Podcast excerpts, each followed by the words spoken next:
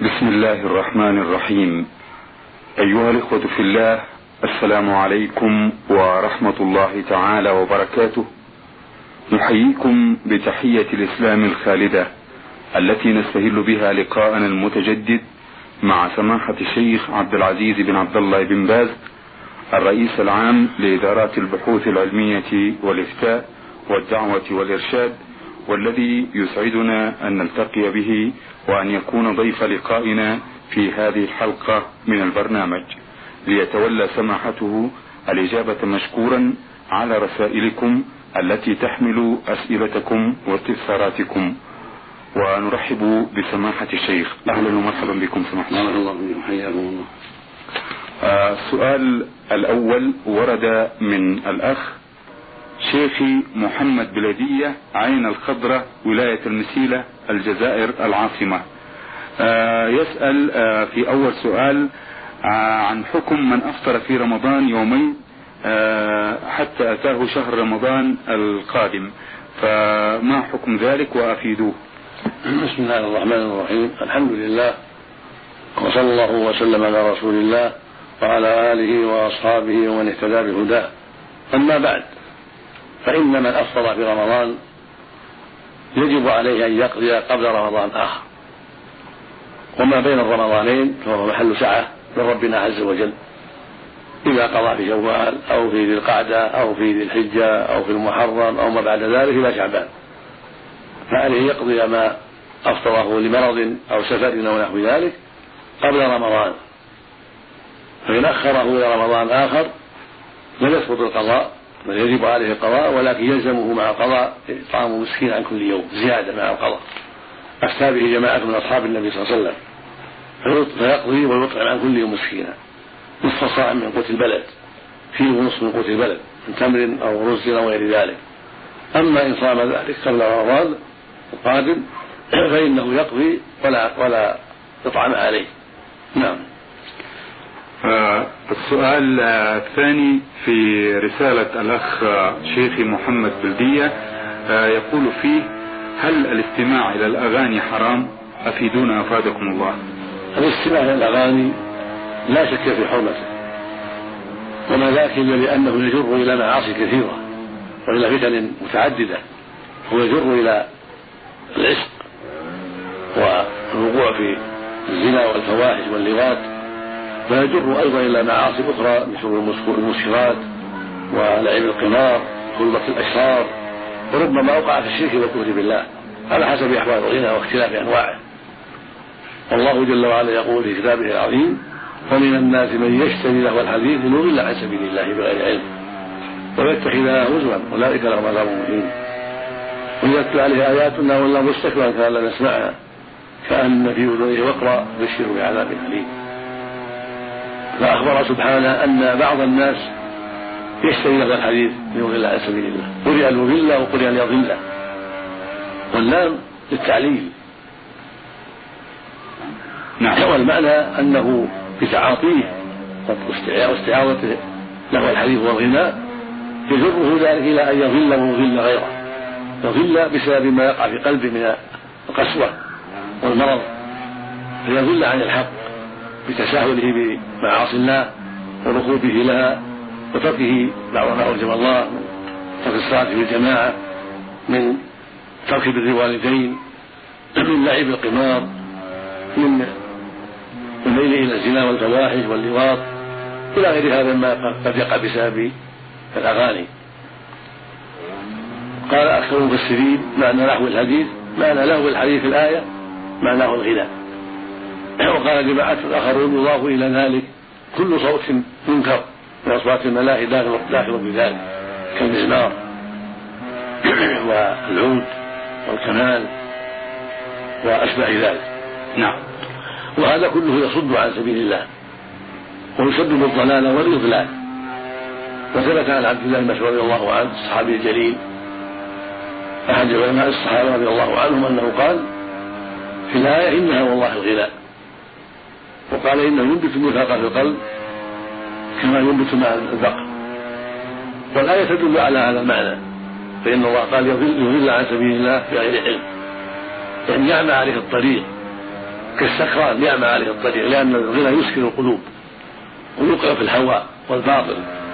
فيعمى عن الصواب إذا اعتاد ذلك حتى يقع في الباطل من غير شعور بسبب شغله بالغنى وامتلاء قلبه به وميله إلى الباطل وإلى عشق فلانة وفلان وإلى صحبة فلان وفلانة وصداقة فلان وفلانة وغير ذلك. ويتخذها هزوا يعني ويفضي إلى اتخاذ سبيل الله هزوا. إلى إلى اتخاذ دين الله سبيل الله ودينه. فالغنى واللهو يفضي إلى اتخاذ طريق الله هزوا ولعبا وعدم المبالاة بذلك وإذا تلي عليه القرآن استكبر. وتقول عليه. لأن اعتاد سماع الغنى وآلات الملاهي فهو يدخل عليه سماع القرآن ولا يستريح لسماع القرآن. وهذه من العقوبات العاجلة فالواجب على المؤمن أن يحذر ذلك وهكذا على كل مؤمنة الحذر من ذلك. وجاء في المعنى أحاديث كثيرة كلها تدل على تحريم الغنى وآلات الله والطلب وأنها وسيلة إلى شر كبير. الله المستعان. نعم. السؤال الثالث والأخير في رسالة الأخ شيخ محمد بلدية من عين الخضراء بالجزائر العاصمة يقول فيه هل هذا الحديث صحيح؟ إن كان صحيح فمن يكون راويه؟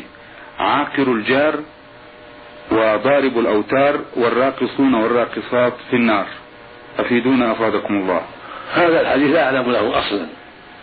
هذا الحديث لا أعلم له أصلا بهذا اللفظ. ولكن للمعنى له معنى له معاني. الجار له شأن عظيم الجار له حق في إكرامه والإحسان إليه. كما قال الله جل وعلا واعبدوا الله ولا تشركوا به شيئا وبوالدين إحسانا وبذي القربى واليتامى والمساكين والجار ذي القربى والجار الجنوب فأمر الله بالإحسان إلى الجار القريب وغير القريب والنبي صلى الله عليه وسلم قال ما زال جبريل يصلي من الجار حتى ظننت أنه سيورثه. وقال عليه الصلاة والسلام من كان يؤمن بالله واليوم الآخر فليكرم جاره. قال فلا يؤذي جاره. نعم. آخر دعائته عاقر الجار وضارب الأوتار والراقصون والراقصات في النار. كذلك ضارب الأوتار. كان تقدم عندما يكون ضرب الأوتار في الأغاني والملاهي أنه فيه الشر العظيم وأنه يصد عن سبيل الله ويمرض القلوب ويقسيها ويورثها النفاق. والراقص والراقصات هؤلاء إذا كانوا في حواس الرجال وحواس النساء في اللعب المشترك والمختلط شره عظيم وفساده كبير. فلا يستغرب أن يتوعدوا بالنار لما يترتب على رقص الرجل بين النساء ورقص المرأة بين الرجال غير محارمها وغير نسائها من الشر الكبير. فالمقصود أن الرقص الرقص الذي ليس فيه الحشمة عما حرم الله الرقص عند الرجال الأجانب أو مختلط بالرجال والنساء. هذا يفضي إلى فساد كبير وإلى وقوع الفواحش. وهكذا الراقصون من الرجال من النساء ليعشقوهن ليعشقنهم وليكون بينهم بينهن وبينهم الفساد. كله شره كبير. فالرقص لا يكون من المرأة إلا في مجال النساء. الرقص يكون عند بين النساء في العرس.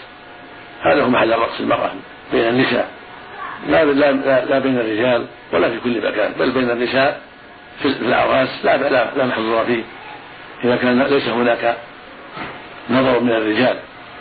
والرجل ليس من أهل الرقص وليس من شأنه الرقص ولا ينبغي له الرقص ولا يجوز له الرقص وإنما يلعب اللعب الذي يعينه على التدرب في الجهاد. لعب المجاهدين والمتدربين ليس من شأنه الرقص وإنما يلعب ويتدرب على السلاح والكر والفر لينفع نفسه وينفع المسلمين ويشارك في الجهاد وحماية الدين وحماية الأوطان والأموال. هذا هو الذي يطلب من الرجل. أما الرقص الذي هو رقص أهل الشهوات ورقص النساء فليس من شأن الرجال بل شأنهم فوق ذلك. شأن الرجال التدرب والعمل فيما يجعله صالح للجهاد وحمل السلاح بأنواعه والبعد عن مشاكل النساء والاتصال بالنساء. والله المستعان. نعم. المستمع الذي رمز إلى اسمه بعين ميم را آه، من الطائف رانيا يقول في سؤاله آه، قلت في إحدى المرات آه، تحرم علي زوجتي مثل أمي وأختي. لو عملت هذا فما رأيكم في هذه المشكلة؟ وأفيدوني بالنصيحة أفادكم الله. إذا قال الرجل تحرم عليه أم زوجته كحرمة أمه أو أخته إذا فعلت كيف وكيف هذا يسمى ظهارا. وعليه كفارة الظهار وعليه التوبة إلى الله. لأن الظهار منكر من القول وزور ليس له فعله لكن متى قال تحرم عليه زوجته كأمه أو أخته أو جدته أو عمته أو خالته ونحو ذلك؟ إذا كلمت فلانا أو إذا لم تبت عندي أو إذا فعلت كيت وكيت فهذا يسمى ظهارا فعليه التوبة إلى الله من ذلك. وإذا فعلت ما منعها منه فإنها فإنه يكون عليه كفارة الظهار ويعتق عبد أو أمة مؤمنة. فإن لم يستطع صام شهرين متتابعين فإن عجز أطعم ستين مسكينا ثلاثين صاعا. والصاع أربع حفلات. باليدين الممتلئتين المتوسطتين. هذا صاع النبي صلى الله عليه وسلم. فعليه ثلاثون صاعا بصاع النبي صلى الله عليه وسلم يقسم بين ستين مسكينا. كل مسكين له نصف الصاع. وهو كيلو ونصف تقريبا في الوزن قبل أن يمسها قبل أن يتصل بها كفارة لما وقع عنه من التحريم والظهار. الله المستعان. نعم. وردت إلى البرنامج الرسالة التالية من بعض الإخوة من السودان. يسأل في رسالتهم عن الشرك بالمفهوم ويطلب تفسير هذه الآية. قال تعالى يا أيها الذين آمنوا اتقوا الله وابتغوا إليه الوسيلة. صدق الله العظيم. أفيدونا بالصواب ولكم الأجر والثواب من الله تعالى. الشرك على اسمه هو تشريك غير الله مع الله في العبادة.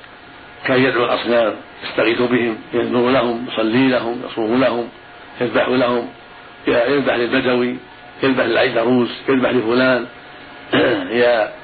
يصلي لفلان. يطلب المدد من الشيخ عبد القادر من الرسول صلى الله عليه وسلم من العيدروس في اليمن من أشباه ذلك من سائر المعبودين من دون الله. هذا يقال الشرك. وهكذا إذا دعا الكواكب أو الجن أو استغاث بهم أو طلبهم مدد أو ما أشبه ذلك. فإذا فعل شيء من هذه العبادات مع المخلوقين أو مع الأموات صار هذا شركا بالله عز وجل. قال الله جل وعلا ولو أشركوا لحبط عنهم ما كانوا يعملون قال سبحانه ولقد أوحي إليك ومن الذي من قبلك لئن أشركت ليحبطن عملك ولتكونن من الخاسرين ومن الشرك أيضا أن يعبد غير الله عبادة كاملة فإنه يسمى شركا ويسمى كفرا. ومن أعرض عن الله بكلية وجعل عبادته لغير الله للأشجار أو الأحجار أو الأصنام أو الجن أو بعض الأموات ممن يسمونهم بالأولياء يعبدهم يصلي لهم يصوم لهم ويسأل الله بكله هذا أعظم كفرا وأشد كفرا وأشد شركا نسأل الله العافية. وهكذا من يكفر وجود الله ويقول إنه ليس هناك إله والحياة مادة. كالشيوعيين والملاحدة المنكرين وجود الله هؤلاء أكثر الناس وأضلهم وأعظمهم شركا وضلالا. نسأل الله العافية. المقصود أن هذا وأشبه هذه الاعتقاد واشباه هذه الاعتقادات وأشباهها كلها تسمى شركا وتسمى كفرا بالله عز وجل. وقد يغلط بعض الناس لجهله فيسميها فيسمي دعوة الأموات والاستغاثة الوسيلة. هذا غلط. هذه وسيلة الكفر هي وسيلة مباحة. الله جل وعلا يقول اتقوا الله وابتغوا الوسيلة. الوسيلة القربة إلى بطاعة هذه الوسيلة عند أهل العلم جميعا. الوسيلة التقرب إلى الله بطاعته الصلاة قربة إلى الله وسيلة. ذبح لله وسيلة كالضحايا والهدايا. الصوم وسيلة. الصدقات وسيلة. فذكر الله قراءة القرآن وسيلة. هذا معنى قوله جل وعلا اتقوا الله وابتغوا الوسيلة وجاهدوا سبيله. يعني ابتغوا إلى القربة اليه بطاعته هكذا قال ابن جرير وابن كثير والبغوي وغيرهم من ائمه التفسير. المعنى التمسوا القربة إليه بطاعته وابتغوها اطلبوها أينما كنتم بما شرع الله لكم من صلاة وصوم وصدقات وغير ذلك. وهكذا قال في الآية الأخرى أولئك الذين يدعون يبتغون إلى ربهم وسيلة أيهم أقرب ليبتغوا ربهم بالقربة إلى بطاعته ويرجو رحمته ويخافون عذابه. هكذا الرسل وأتباعهم يتقربون الله بالوسائل التي شرعها من جهاد من صوم من صلاة من ذكر من قراءة القرآن إلى غير هذا من وجوه الوسيلة. أما ظن بعض الناس أن الوسيلة هي التعلق بالأموات والاستغاثة بالأولياء والنذر لهم هذا خطأ وظن باطل وهذا اعتقاد المشركين. الذي قال فيهم سبحانه ويعبدون من دون الله ما لا يضرهم ولا ينفعهم ويقولون هؤلاء شفعاؤنا عند الله. هذا عمل المشركين. يدعون الأموات ويستغيثون بالجن ويستغيثون بالملائكة ويدعون أنهم وسائلهم إلى الله.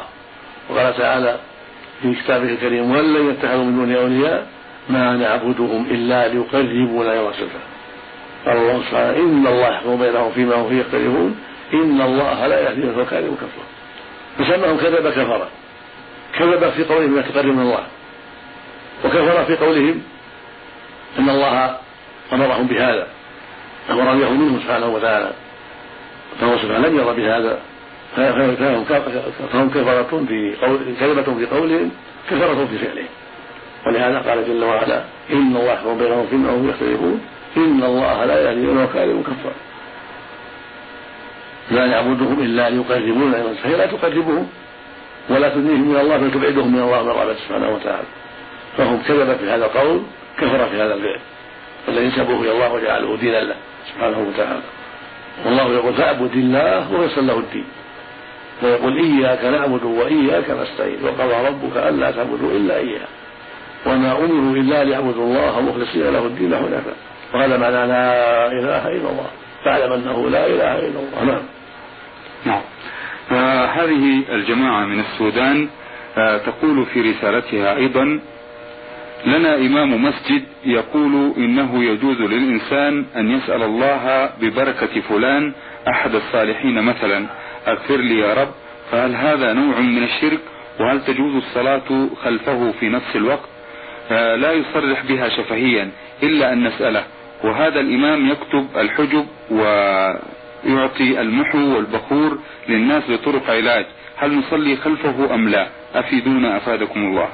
التوسل بجاه فلان وببركة فلان وبحق فلان بدعة وليس من الشرك. فإذا قال اللهم إني أسأل بجاه أنبيائك أو بجاه وليك فلان أو بعبدك فلان أو بحق فلان أو بركة فلان هذا من البدع. لأنه ما ورد عن النبي صلى الله عليه وسلم ولا عن الصحابة. فيكون بدعة. والله يقول سبحانه ولله الأسماء الحسنى فادعوه بها. ما قال بركة فلان أو فلان. قال ادعوه بها. التوسل يكون بأسماء الله وبصفاته وبتوحيده كما قال الحديث الصحيح اللهم إني أشهد بأني أشهد أنك أنت الله لا إله إلا أنت. ويكون أيضا بالأعمال الصالحات كسؤال أهل الغار لما سألوا ربهم واحد سأل ببر والديه والثاني سأل بعفة عن الزنا والثالث سأل باداء الامانه فالتوسل بالاعمال الصالحات اللهم إني اشهد بايمان غيبك بمحبة نبيك باتباعي لشرعك بعفة عما حرمت علي. التوسل صحيح شرعي. اما اللهم إني اسالك بجاه فلان أو بجاه النبي فلان أو بحق هذا بدعه لا أصل له. ليس من الوسائل الشرعية. أو ببركه فلان. كل هذا لا أصل له. وليس من التوسل الشرعي بل هو بدعي ولكن لا يسمى شركا بل يقال له بدعة ويقال إنه من وسائل الشرك. الله المستعان. وكذلك ما يتعلق بعمله الآخر كون يكتب الحجب هذا لا يجوز لأن الرسول قال من تعلق تميم فلا أتم الله له. والحجب هي التمائم فلا يجوز تعلق التمائم ولا تعليقها. فمن يعلقها ينكر عليه من يكتبها للناس ينكر عليه حتى ولو كانت من القرآن. كان عبد الله مسعود وغيره من السلف ينكر ذلك من القرآن وغير القرآن. والحديث عامة. من تعلق فلا أتم الله له. من تعلق ولا ودع الله له. إن الرقى والتمائم والشرك الرقى المجهولة أو الرقى بالأسماء المنكرة والمجهولة أو الشركية كلها ممنوعة. وإنما تجد الرقى الشرعية فقط. والتبالة صرف العصر السعر ممنوع والتمائم كذلك ممنوعة. وهي الحجب تسمى الجوامع تسمى الحروز هذا الإمام ينكر عليه ويعلم أن هذا لا يجوز ولأنها إذا علقت وسيلة للتعلق بها وجمع القلوب عليها ونسيان الله سبحانه وتعالى. ومن حكمة ذلك من حكمة الله بهذا أنه نهى عنها سبحانه وتعالى. حتى تكون القلوب معلقة به لا بغيره سبحانه وتعالى. وتعليق القرآن وسيلة لتعليق غيره. فلهذا منع الجميع الصواب منع الجميع. ولا يعلق شيء على المريض ولا على الصبي لا من القرآن ولا من غير القرآن. بل يعلم الدعاء الشرعي تعوذ بكلمات الله التامات من شر ما خلق. هكذا يعلم. التعوذ التعوذ الشرعي قراءة آية الكرسي عند النوم قراءة قل الله المعوذتين عند النوم بعد الصلوات يعلم الأشياء الشرعية والأذكار الشرعية والتعوذات الشرعية. أما المحو يقرأ آيات يكتب آيات بالزعفران هذا فعله كثير من السلف. إذا كان في نفسه صالحا كن يكتب آيات في صحن نظيف أو قرطاس بالشعار بالزعفران آيات ودعوات طيبة ثم تغسل ويشربها المريض لا حرج فيه. لكن تركه أولى والاكتفاء بإقراء المريض. ومن يقرأ المريض ويدعو له المريض أفضل من المحو له. ولكن المحو عند أهل العلم ليس بمنكر لأن فعله كثير من السلف ولا حرج فيه بما نعلم. لكن الحجب لا ممنوع. الحجب فينبغي نصيحة هذا الإمام وتوجيهه فإن استقام ولا يزل يزل حتى يتناسب صاحب سنة. نعم. وبعث الأخ عبد محمد موسى من جمهورية الصومال برسالة يسأل فيها ويقول إن في عيني شعرا لا بد من أخذه بالمنقاش فإذا تركته آذاني وأتعبني فهل يجوز لي أخذه وأنا محرم أم لا؟ أفيدونا أفادكم الله. لا حرج في ذلك. إذا كان الإنسان محرما وقع في قلبه شعرات منكسرة تؤذيه فإنه يأخذ قبل المنقاش مثل ما لو انكسر ظهره أساله لأن هذا متعب ومؤذي فلا يضر أخذه ويرى من شرع الله التيسير والتسهيل بكم العسر ولا يدرك العسر. فإذا انكسر شعرة أو شعرات في عينه جاز أخذها بالمنقاش وهو محرم ولا حرج في ذلك. والحمد لله. وهكذا لو انكسر ظهره أزاله نعم. آه الأخ آه إبراهيم بعث برسالة من الطائف يقول فيها حصل بين والدي وشخص منازعات في أرض لا يعرف من هو صاحبها الأحق أهو والدي أم الشخص الآخر. فحضر المشكلة أهل الخير فأرادوا الإصلاح بينهما ولم يستطيعوا ذلك. فأصر والدي أن الأرض هي له. وهي ليست له حقا كلها. فحاولت إقناع والدي بأن يرضى بالصلح أو يأخذ من خصمه اليمين. فرفض كل المحاولات فطلعت مني كلمة مع الزعل فقلت لوالدي أنت كاذب. وما هو الحكم في ذلك وما هي كفارتها؟ والله يحفظكم. والسلام عليكم ورحمة الله وبركاته. عليك التوبة إلى الله من ذلك. واستسماح والدك. عليك أن تستغفر الله وتتوب إليه من هذه المجابهة من هذه المجابهة وعليك أن تستبيح والدك وتستحل تقول سامحني يا والدي جلة مني والله يسامحك. وعليك أن تنصحه. إذا كنت تعلم أن بعض الأرض ليس له عليك أن تنصحه وتبين له الأسباب التي جعلت هذا الشيء ليس له وأنه لخصمه. فإن هذا حق والمؤمن يقول بالحق على نفسه وعلى أبيه وعلى غيره كما قال سبحانه في كتابه العظيم يا أيها الذين آمنوا كونوا قوامين بالقسط شهداء لله. ولا ولا أنفسهم أو الوالدين ولا الأقربين إن يكون الله لا به مع الآية. فالمؤمن يقول بالحق على نفسه وعلى أبيه وعلى أمه لكن بطريقة حسنة وبأسلوب حسن لا بالمجابهة القبيحة. تقول يا والدي أنا عندي علم أشهد أن فلان أو قال لي فلان أو علمت كذا وكذا تنصح بينك وبينه حتى يهتدي إن شاء الله وحتى يقنع بالحق وحتى يعطي الحق لصاحبه من دون أن تجابهه مجابهة آه، تسيء الأدب معه وتكدر حالك معه فإن هذا لا يليق من الوالد مع الوالد فتستغفر الله جل وعلا وتتوب إليه وتستسمح أباك ولا يمنعك هذا من نصحه والشهادة بالحق. ولو عليه. والله المستعان وهو ولي التوفيق. ولا حول ولا قوة إلا بالله. وهذه رسالة من المستمع حسن ساتي سوداني مقيم بالسعودية. يقول في رسالته كنت أعمل عامل بقالة مع أحد الرجال وقام أحد الناس بشراء بعض المقاضي بالدين وصاحب البقالة يعلم بذلك ووعد المدين بسداد الدين عندما يتيسر له ذلك. وقمت بإجازة سنوية لبلدتي وفي ذلك الوقت طالب صاحب البقالة المدين بالدين الذي عليه فأنكر ذلك وقال إنه لم يستدين شيء من البقالة. انتهز فرصة غيابي. وعند عودتي من الإجازة لم أجد الرجل المستدين وقد ترك المنطقة نهائيا وقام صاحب البقالة بمطالبتي بسداد المبلغ المطلوب من الرجل. هل الدين الذي أنكره الرجل أصبح في ذمتي؟ وهل يجوز أن نقتسم المبلغ بيننا باعتباره صاحب البقالة عنده علم بالدين؟ أفيدونا أفادكم الله. هذا في تفصيل. إذا كان صاحب البقالة قد أذن لك في أن تدين الناس فكان قد أذن لك وسمح لك بهذا فلا حرج. ولكن عليك مع ذلك أن تثبت الدين. إذا كنت أبيت على الدين ولم تثبته في دفتر ولا بشهود فأنت تغرم المال لأنك مفرط. وإذا كان ما أذن لك في أن تدين أحدا فأنت تغرم المال أيضا. أما إذا كان أذن لك فعليك فلا بأس عليك لكن تثبت الدين. إما بالشهود وإما بكتابة يكتبه على نفسه. وتأخذ توقيعه حتى لا يخدعك وحتى لا يضيع المال. فإذا كنت ما أشهدت عليه ولا كتبت عليه أو كان صاحب البطالة ما أذن لك في في, في إدانة الناس فإنك تضمن هذا المال. وإن كان بقي إشكال فالمحكمة تنظر في أمره إذا كان هناك إشكال غير ما ذكر فالمحكمة تنظر في الأمر. الله المستعان. نعم. آه شكرا لسماحة الشيخ عبد العزيز ابن باز الرئيس العام لإدارات البحوث العلمية والإفتاء والدعوة والإرشاد على هذا اللقاء في برنامج نور على الدرب الذي أجاب فيه سماحته على أسئلة الإخوة المستمعين. المستمع شيخي محمد بلدية عين الخضرة الجزائر العاصمة المستمع عين ميم را رانيا الطائف المستمعين جماعة من السودان والمستمع عبدو محمد موسى من الصومال والمستمع إبراهيم من الطائف وأخيرا رسالة المستمع حسن ساتي سوداني مقيم بالمملكة. أيها الإخوة الكرام شكرا لكم على متابعتكم وإنصاتكم للبرنامج وإلى لقاء آخر إن شاء الله والسلام عليكم ورحمة الله وبركاته.